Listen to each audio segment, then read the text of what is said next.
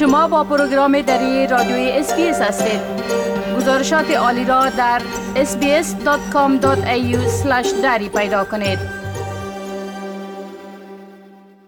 حال با جاوید روستاپور خبرنگار پروگرام دری در کابل در تماس هستیم که اونا درباره تازه ترین تحولات در افغانستان معلومات میتن آقای روستاپور سلام عرض می کنم خب طالبا میگه که اگه تعداد از صفوفشان اخراج کردن می‌تونین بگوین که سرنوشت ای کسایی که اینا میگن از صفوفشان اخراج کردن چی شده و اینا چی قسم مردمی بودن؟ با سلام و وقت آقای شکر و شنوندگان عزیز. بله امون گونه که شما اشاره کردیم. طالبان روز گذشته اعلام کردند که از زمان ایجاد کمیسیون تصفیه صفوف که در ماه میدان ایجاد شد این گروه تا کنون بیشتر از 1895 نفر از صفوف خود بیرون کردند که این افراد در مرکز و ولایات مختلف در صفوف طالبان وظیفه اجرا می‌کردند این عاملای سمنگانی معاون سخنگوی طالبان این خبر را بر رسانه ها گفت. و تاکید کرد که این افراد شامل شماری از رئیسان ادارات دولتی در مرکز و ولایات می شدند. آقای سمنگانی افزود که از میان کسانی که از صفوف طالبان اخراج شدند شماری بازداشت شدند و قضایی از ما به نهادهای عدلی و قضایی سپرده شده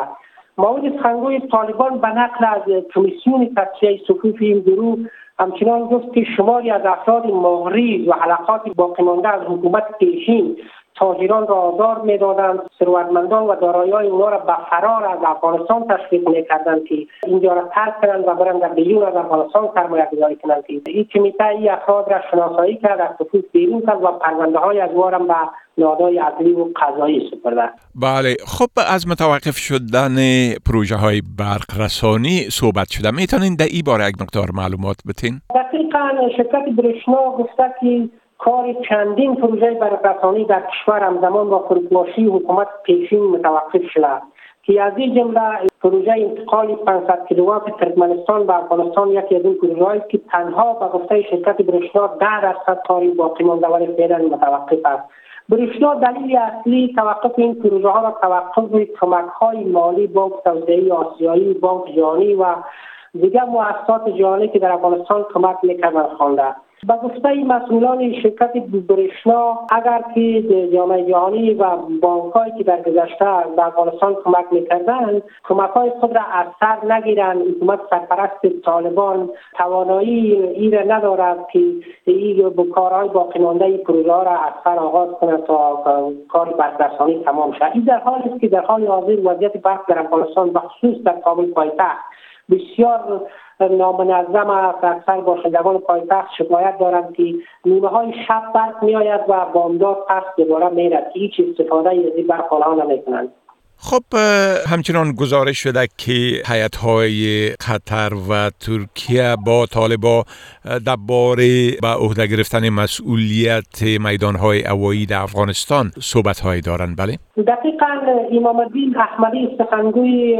وزارت یوانوردی ملکی روز گذشته در یک نشست خبری درباره این حیات قطری و ترکی سخن گفت و گفت که این حیات روز گذشته برای بحث در مورد مدیریت میدان های اوایی افغانستان وارد کابل شده و دو طرف بحثهای خود را در این باره آغاز کردند. حتی پیش از خروج نیروهای بین المللی از افغانستان ترکیه برای تامین امنیت و مدیریت میدان هوایی کابل و دیگر میدانهای هوایی ولایات افغانستان ابراز آمادگی کرده بود. مسئولان اداره هوانوردی ملکی گفتند که بحثات به طرف جریان دارد و امیدوار هستند به یک نتیجه برسند تا بخش تکنیکی و مدیریت تکنولوژی میدانهای هوایی کابل و ولایات را برای کسایی که از ترکیه و قطر آمدن برای انجینرها و مسئولان از یا بسپرند تا کار بهتر در پروازهایی که از افغانستان صورت می‌گیره پروازهای داخلی و بینالمللی انجام شود و با اطمینان خاطر شرکت های بیرونی و گفته امارت اسلامی طالبان بتوانند پروازهایشان را به افغانستان از سر بگیرند.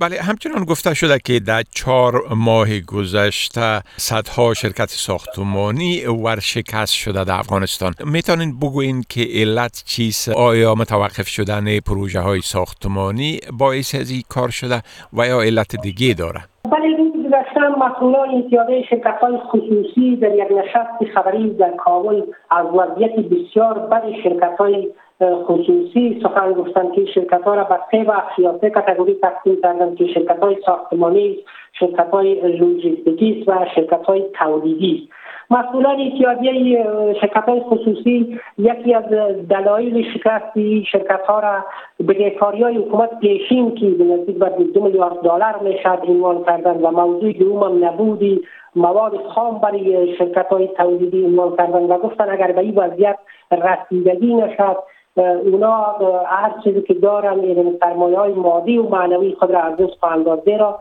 نیروی کاری و ظرفیت مادی هم که داشتن به دلیل از اینکه پولی ندارن که معاشی از را بپردازن از دست دادن و طرف دیگه پولی که بالای دولت دارن این از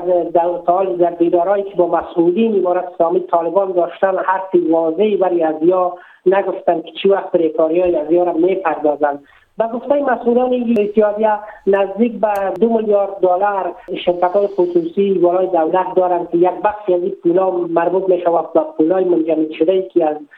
سوی ایالات متحده امریکا منجمد شده. او را همچنان گفتند که اگر که دولت به وضعیت اینا رسیدگی نکند این شرکت ها خودشان نیز قرضدار هستند. مثلا شرکت های لوجستیکی موادی را که دولت